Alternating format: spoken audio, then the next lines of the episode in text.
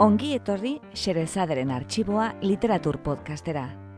Podcast hau egiten dugu Jasone Larrinagak eta Ana Moralesek Bilbo Iria Irratiko estudioan.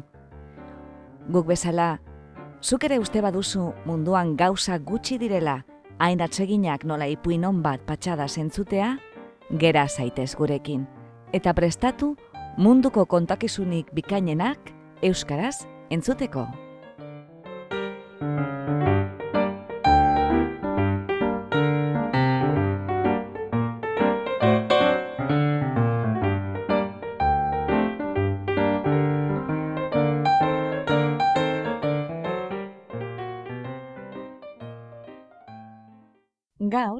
Xerezaderen arxiboan, Eulia.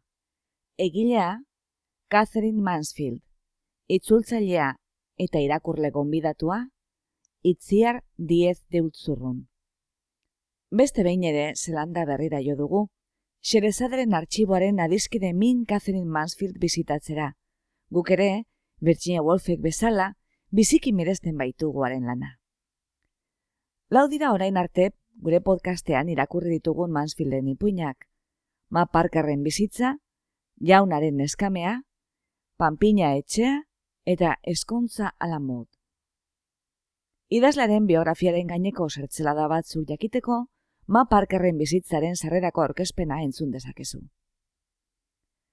Gaurko ipuina, mila bederatzen da hogeta bian idatzia, Mansfield hil baino urtebete lehenago, bereziki esanguratsua da idazlearen obran, Alde batetik, jakina delako min handia eman ziola idazteak, gaixorik zegoen ordurako tuberkulosiaz, eta bestetik, teknikoki bere heldutasun literarioaren izpilu delako. Kontzesio gutxi egiten dizkio hemen Mansfieldek bere buruari. Ez du jotzen irudi ederretara edo elkarrizketa bizi eta zorrotzetara. Ez digu paisaia distiratzurik deskribatzen edo pertsonaia xamurrik edo bereziki gaiztorik aurkezten. Austeritate handiko ipuina da. Elementu oso gutxirekin, gehien bat bi pertsonaia gela batean, eta ekintza minimora ekarrita, hitz truke bat eta euli baten tortura eta hilketa, Mansfieldek sakontasun handiko gaiak aurkezten dizkigu. Batetik, lehen mundu gerraren trauma izugarria, milaka gazteren sarraskiarekin eta bizirik iraunduten zenide eta lagunen bizitzen ondamenarekin. Bestetik, denboraren zendagai ambigoa, mina lehuntzen duena, baina galdutako pertsonen oroimena lausotzearen eta sorgortasun dosi handi baten presioan. Azkenik, menderakuntza grina eta grina horren emaitza, hau da, suntzipena. Edo agian, beste ikuspegi batetik harturik, gezakeren ez gauzatasuna bere gainetik dauden indarren aurrean. Jauzi eta jaiki egiten da, jauzi eta berriro jaiki. Borroka guztien ostean, azkenean, eriotza besterik ez aurkitzeko, euliak bezala. Eta orain, entzun dezagun, itziar diedi utzurroren ahotsean eta itzulpenean, Catherine Mansfielden Eulia.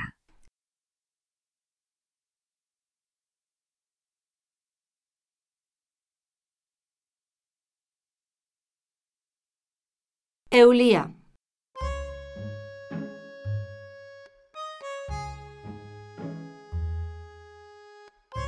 Zeinen goxo zauden hemen, bota zuen gudifil jaun zaharrak bere txilibitu ahotsarekin bere adiskide eta nagusiaren idazmaieren ondoan eserita zegoen eta ingurura begiratu zuen, larru berdezko besaulkitzara hartatik, niniak aurko txetik ingurura begiratzen duen bezala.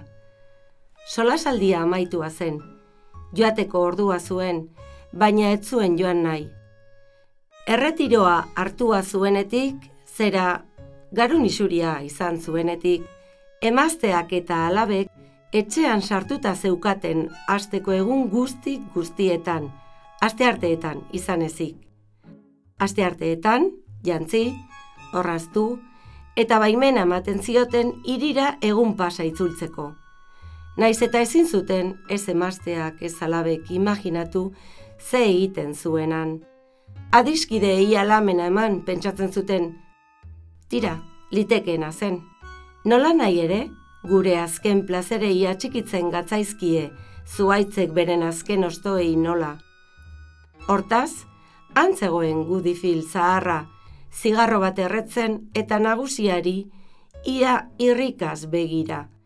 Patxadan eserita baitzegoen bere bulego aulkian, mardul, musu gorri, bera baino bortz urte zaharrago eta sasoi betean oraindik, lehema eskuetan oraindik.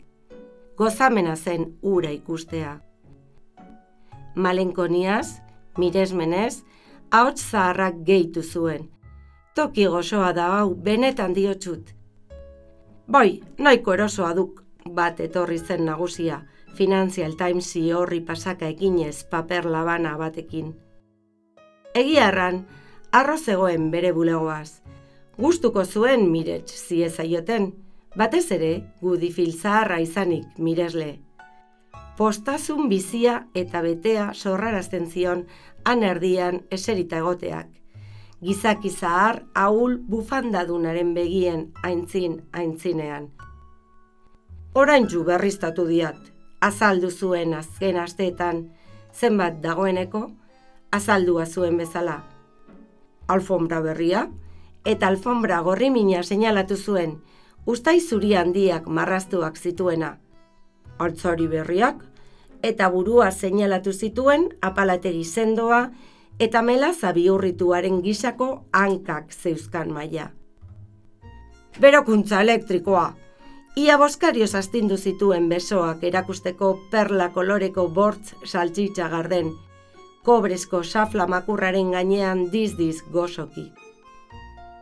Baina gudifil zaharrari, ez zion, ordea, begirarazi, mai gainean zegoen argazkia – eite serioko mutiko bat ageri zuena, uniformez jantzita, argazkilariek darabiltzaten lorategi espektral itxurako horietako batean, argazki estudioetako ekaitzo deiak atzean. Etzen berria, sei urte baino gehiago zera matzanan.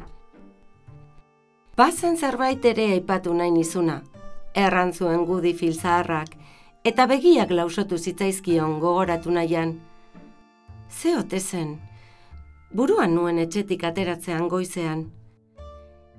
Eskuak dardarka hasi zitzaizkion, eta orban gorri batzuk agertu bizarraren gainetik. Zahar gizajoa, honek ez diku da berriko kukua dituko, pentsatu zuen nagusiak. Eta, onbera sentituz, agureari begi bat kliskatu eta txantxetan errantzion. Badakit zer behar dugun, Badiat hemen txantxaren baton eginen diana kale otzeratera aurretik. Mama ederra duk, erlioke kalterik eginen aur bati ere. Ordulari katetik giltza bat askatu, idaz maiaren azpiko armairua ireki, eta botila ilun eta potolo bat atera zuen. Hau duk gure botika, errantzuen. Eta askuratu zidan gizonak txoili silpean aitortu zidan Windsor gazteluko upalategitik datorrela.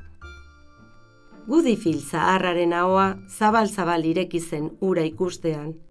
Etzukeen emanen harrituago, nagusiak untxi bat atera izan balu. Whiskia da, ez da? Errantzuen txilibitu doinu haulez. Nagusiak botila giratu eta etiketa erakutsi zion maitekiro. Whiskia zen baiki. Bakizu, errantzuen zaharrak nagusiari miresmenez begira, etxean ez didate ez daukitzen usten ere. Eta bazirudien negarrez hasiko zela. Ha! Ontaz geuk bazaki hau emaztekiek baino geixiago. Garrasi egin zuen bizkarra zeharo tolestuz, maiaren gainean urbotilaren ondoko bi edalontziak hartzeko. Eta azbete oparo bana isuri zuen. Edantzak, ona dik, eta ez uri botak. Bekatu mortala luke kolako mama ondatzea, ha! Zurrut bakarrean edan zuen. Gero, musu zapia atera, biboteak harinka idortu, eta begi keinua egin zion gudi filzaharrari. Agurea, patxarra hau osatzen ari zen bitartean. Agure zarrak, patxarra irentzi, une batez isilik gelditu, eta gero, apal-apal, erran zuen. Sendoa da gero, baina barrena berotu zion, garun osmindu zaharreraino igo zitzaion, astiro, eta oroitu egin zen. Horixe zen kontua, erran zuen, besaulkitik arnaz estuka altxatuz. Pentsatu nuen, gustatuko litzaizukela jakitea, alabak, Belgikara joan ziren joan den astean, regi gizajoaren hilobia ikustera, eta alabearrez, zuen mutikoarenaren antzinetik igaro ziren, urbil xamar omen biak. Udifil zaharrak, eten aldia egin zuen, baina nagusiak ez zion erantzun. Betazalaren dardarak baino ez zuen erakutsi aditzen ari zitzaiola. Alabak, pos-posik zeuden lekura nola zaintzen duten ikusirik, erantzi zuen txilibitu ahots zaharrak. Eder, ederra dute dena, ez ziren hobeki egonen etxean balira. Ez zara inoiz ara joan, ez da? Ez, ez. Hainbat arrazoitarteko, nagusia etzen ara joan inoiz. Kilometroak eta kilometroak omen dira. Erran zuen gudi filzaharrak dardara hotxean. Eta loretegi bat bezain txukun dago dena. Loreak kilobi guztietan eta bideak zabal, zabalak. Ahotxean ezagun zuen zeinen gogoko zituen bide zabal, zabalak. Beste etenaldi bat etorri zen. Orduan, agure zaharra ikaragarri alaitu zen. Badakizu zenbat ordainarazi zieten hotelean mermelada pote batengatik? Erran zuen. Amar libera, lapurreta, esaten dio nik horri. Gertrudek dio botea txikia zela, ez omentzen koro ardiko txampon bat baino handiagoa. Gertrudek bote hartu zuen, hoteleko hilezio amateko. Ongi egin zuen, bai horixe, gure sentimenduen kontura etekinak atera nahi izatea da hori. Uste dute ara joan garelako beako bat ematera zer nahi ordaintzeko pres gaudela, hoize da. Eta giratu eta aterantz joan zen. Arrazoi osoa duk, arrazoi osoa. Oio egin zuen nagusiak, naiz eta ideiarik ez izan zertan zuen arrazoi. Idaz maia inguratu, errestan zijoa zen oiaien atzetik ateraino joan, eta agur errantzion. Gudifil joana zen. Tarte luze batez, nagusia angel ditu zen, begiak ezerezean finko. Mandatari hile urdina ari begira eta bere gelaskatik sartu atera zebilen bitartean. Kalera noizaterako zain dagoen txakurra balitz bezala. Alako batean, ez diat inor ikusiko ordu erdian, meisi, erran zuen nagusiak. Ulertu duk, inortxore ez. Ederki jauna. Atea itxi zen, onkada astun eta sendoek alfombra gorri mina zeharkatu zuten berriz, gorputz lodia plaust ondoratu zen besaulki malguki dunean, eta aurrerantz makurtuz, nagusiak aurpegia astali zuen eskuekin. Bazuen gogoa, bazuen asmoa prezegoen negar egiteko. Egundoko inarrosaldia eragintzion gudi filzaharrak semearen ilobiaz errandakoak.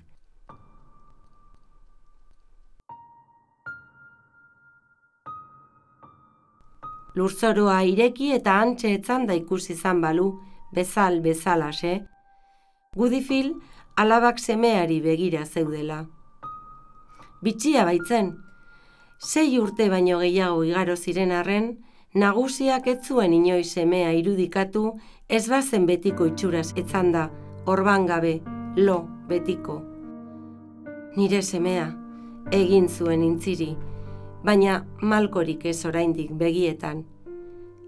Lehenago, semea hil eta hasierako hilabeteetan eta are urteetan ere, hitzaiek esate hutsarekin, hain aigabe handia etortzen zitzaion, non negarraldi bortitz batek baizik ez zintzion bihotza arindu. Denborak, erran zuen orduan, azaldu zion jende guztiari, ez zuen deus aldatuko. Bertze gizon batzuk bizkortu eginen ziren, galera ura gaindituko zuten, bera ez ordea. Nola gaindituko zuen, bere mutikoa seme bakarra zen. Jaio zitzaionetik nagusiak lan besterik ez zuen egin, negozio gura semearen dako eraikitzen. Horrek ez zuen inolako zentzurik mutikoari usteko ez bazen. Are bizitza berak ere, ez zuen beste inolako zentzurik azkenerako. Zertarako arraio eginen zuen lan morroi baten gizara, bere burua sakrifikatuz, aintzina eginez, urte haietan guztietan, bere baitan etengabe gorde izan ez balu promesura, semea ikusiko zuela bere tokia hartzen, eta berak utzitakoa aitzeina eramaten. Eta hain gutxigatik etzen promesura bete, Semea bulegoan aritu zen urtebetez, lanbidearen aintzin gibelak ikasten gerra baino lehen.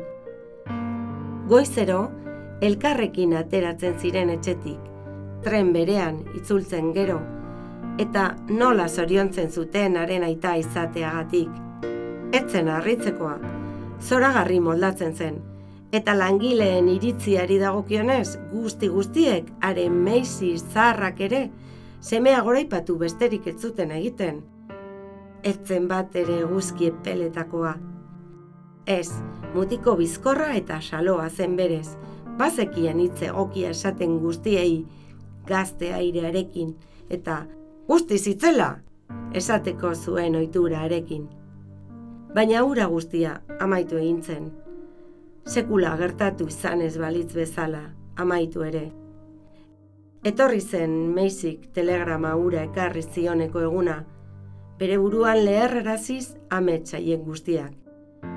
Biziki sentitzen dugu, zuri jakin arazi beharra, eta lur jota atera zen bulegotik, bizitza suntsiturik. Baziren sei urte, sei urte. Ze azkar joaten zen denbora, bazirudien atzo gertatua zela, Nagusiak eskuak aurpegitik kendu zituen, nahasita zegoen. Ematen zuen zerbait ere gaizki zebilela. Etzen sentitzen sentitu nahiko lukeen bezala. Zutitzea erabaki zuen eta semearen argazkiari begiratu. Argazkiura etzen bere gogoenetako bat. Semearen eitea etzen naturala, hotza zen, are itxura zorrotzekoa semeak ez zuen sekula alako itxurarik izan. Une hartan, nagusia ohartu zen euli bat eroria zela tintontzi handian, eta alferrik baina gogotsu saiatzen ari zela handik ateratzen. Lagundu, lagundu, esaten zuten indarka ari ziren hanka haiek. Baina tintontziaren alboak bustita eta irristak zeuden. Atzera erori eta igeri hasi zen. Nagusiak luma bat hartu, eulia tintontzitik atera eta xuka paper baten gainean utzi zuen astindu batez. Segundu erdiz, geldirik egon zen, inguruan jariatu zen orban ilunaren erdian. Gero, aurreko hankak inarrosi, lurrean finkatu, eta gorputz txiki, blaitua, goitituz, egaletako tinta garbitzeko lan gaitzari heldu zion. Gainetik eta azpitik, gainetik eta azpitik, gainetik eta azpitik ibili zen hanka egalean zehar. Harria segaren gainetik eta azpitik ibiltzen den bezala. Ondoren, eten aldi bat etorri zen, eta ulia, oin puntetan zirudiela, egal bat zabaltzen saiatu zen, lehen bizi eta bestea gero. Azkenean, lortu egin zuen, eseri eta katu nimino baten gizera aurpegia garbitzen hasi zen. Orain, batek irudika zezakeen aurreko hankatioak bata bestearen kontra igusten zirela harinki. Alai, pasatua zen arrisku beldurgarria. Honik atera zen, bizitzarako pres zegoen berriro. Baina orduan txe, nagusiak ideia bat izan zuen. Murgildu luma tintan berriro, bermatu eskumutur mardula xuka paperean, eta eulia egalak saiatzen ari zela, tanta handi bat erori zitzaion gainera. Zeginen ote zuen orduan, ara galdera. Xomorroak erabat kikilduta zirudien, txundituta, eta mugitzera ausartu ezinez, etor zitekeenaren beldur. Baina orduan, oinaz ez bezala, aintzina egin zuen. Aurreko hankak inarrosi, lurrean finkatu, eta astiroago oraingoan, lanari ekin zion berritik. Dea brutio bipila diagu hau, pentsatu zuen nagusiak, eta benetako miresmen eragin zion euliaren kemenak. Horixe zen gauze hieltzeko modua, horixe aldartea, amorerik eman gabe inoiz, kontua zen, baina euliak bere lan nekeza berriro amaitu orduko, nagusiak luma bete, eta berriro astindu zuen beste txantxa ilun bat gorputz garbitu berriaren gain gainean. Ze gertatuko zen oraingoan? Suspentsezko une samin bat etorri zen ondoren. Baina, ara, aurreko hankak inarrosten hasi zen berriro, nagusiari arindura handi bat nagusitu zitzaion. Euliaren gainera makurtu eta errantzion xamur ibai maltsurzik eta haren gainean putz egiteko ideia paregabea ere bururatu zitzaion, idortze lanetan laguntzeko asmoz. Baina, dena den, eulia nola baitere, erabe eta makal agertzen zen orain bere aleginetan. Eta nagusiak erabaki zuen azkena izan beharko zuela. Luma tintontziaren barne barneraino murgiltzen zuen bitartean. Hala izan zen, azken tanta sukapaper blaituan erori zen, eta ulia, mela mela inda, angel ditu zen, luze zabal, eta etzen mugitu. Atzeko hankak gorputzari itxasiak zituen, aurrekoak ezitzaizkion ikusten. Tira, errantzion nagusiak, bizkor, eta lumarekin eragin zion, alferrik. Etzen ezer gertatu ez da gertatuko ere. Eulia hilik zegoen. Nagusiak gorpua paper labanaren punta saltxatu eta paperontzira jaurti zuen. Baina miseria sentimendu hain estugarri batek hartu zuen mendean, non izugarri ikaratu baitzen. Aurrera makurtu eta txirrinaz sakatu zuen, meizi deitzeko. Ekarri dak xupka paper garbia, erran zuen zorrotz, takarri bizkor. Eta morroi zaharra, urratxi silka urruntzen zen bitartean, nagusia bere buruari galdetzen hasi zitzaion, zertan aritu ote zen pentsatzen lehenago. Ze ote zen, zera. Musu zapiatera, eta torraren lepoaren barnetik pasatu zuen. Hil alabiziko kontua balitzere, ezin oroitu.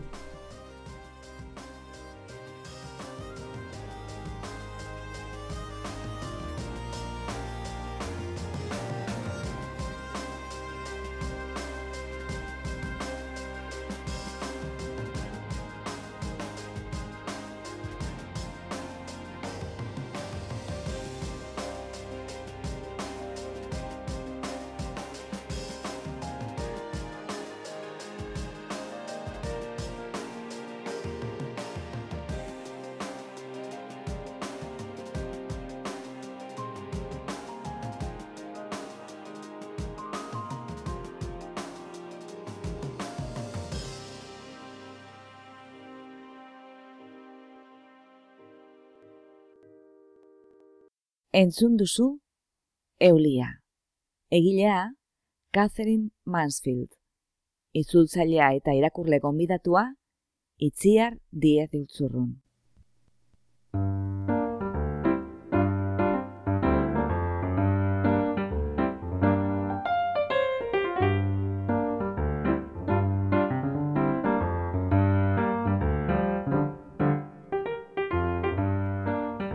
Xerezaderen arxiboko beste atal bat entzun duzu. Gure doinoa da, Charleston Behind the Attic Door, Dance of the Wind taldearena. Besterik adierazi ezean, Gure musikak jamendo.cometik hartuak dira, eta soinu efektuak berriz freesound.cometik ateratakoak. Podcast hau egiten dugu Jason Elarrinagak eta Ana Moralesek Bilbo Iria Irratiko estudioan, Leioan eta Mungian. Mila esker gurera hurbiltzeagatik. Gustura egon bazara? Erdu urrengo batean ostera ere, Xerezaderen artxiboa literatur podcastera. Laster arte!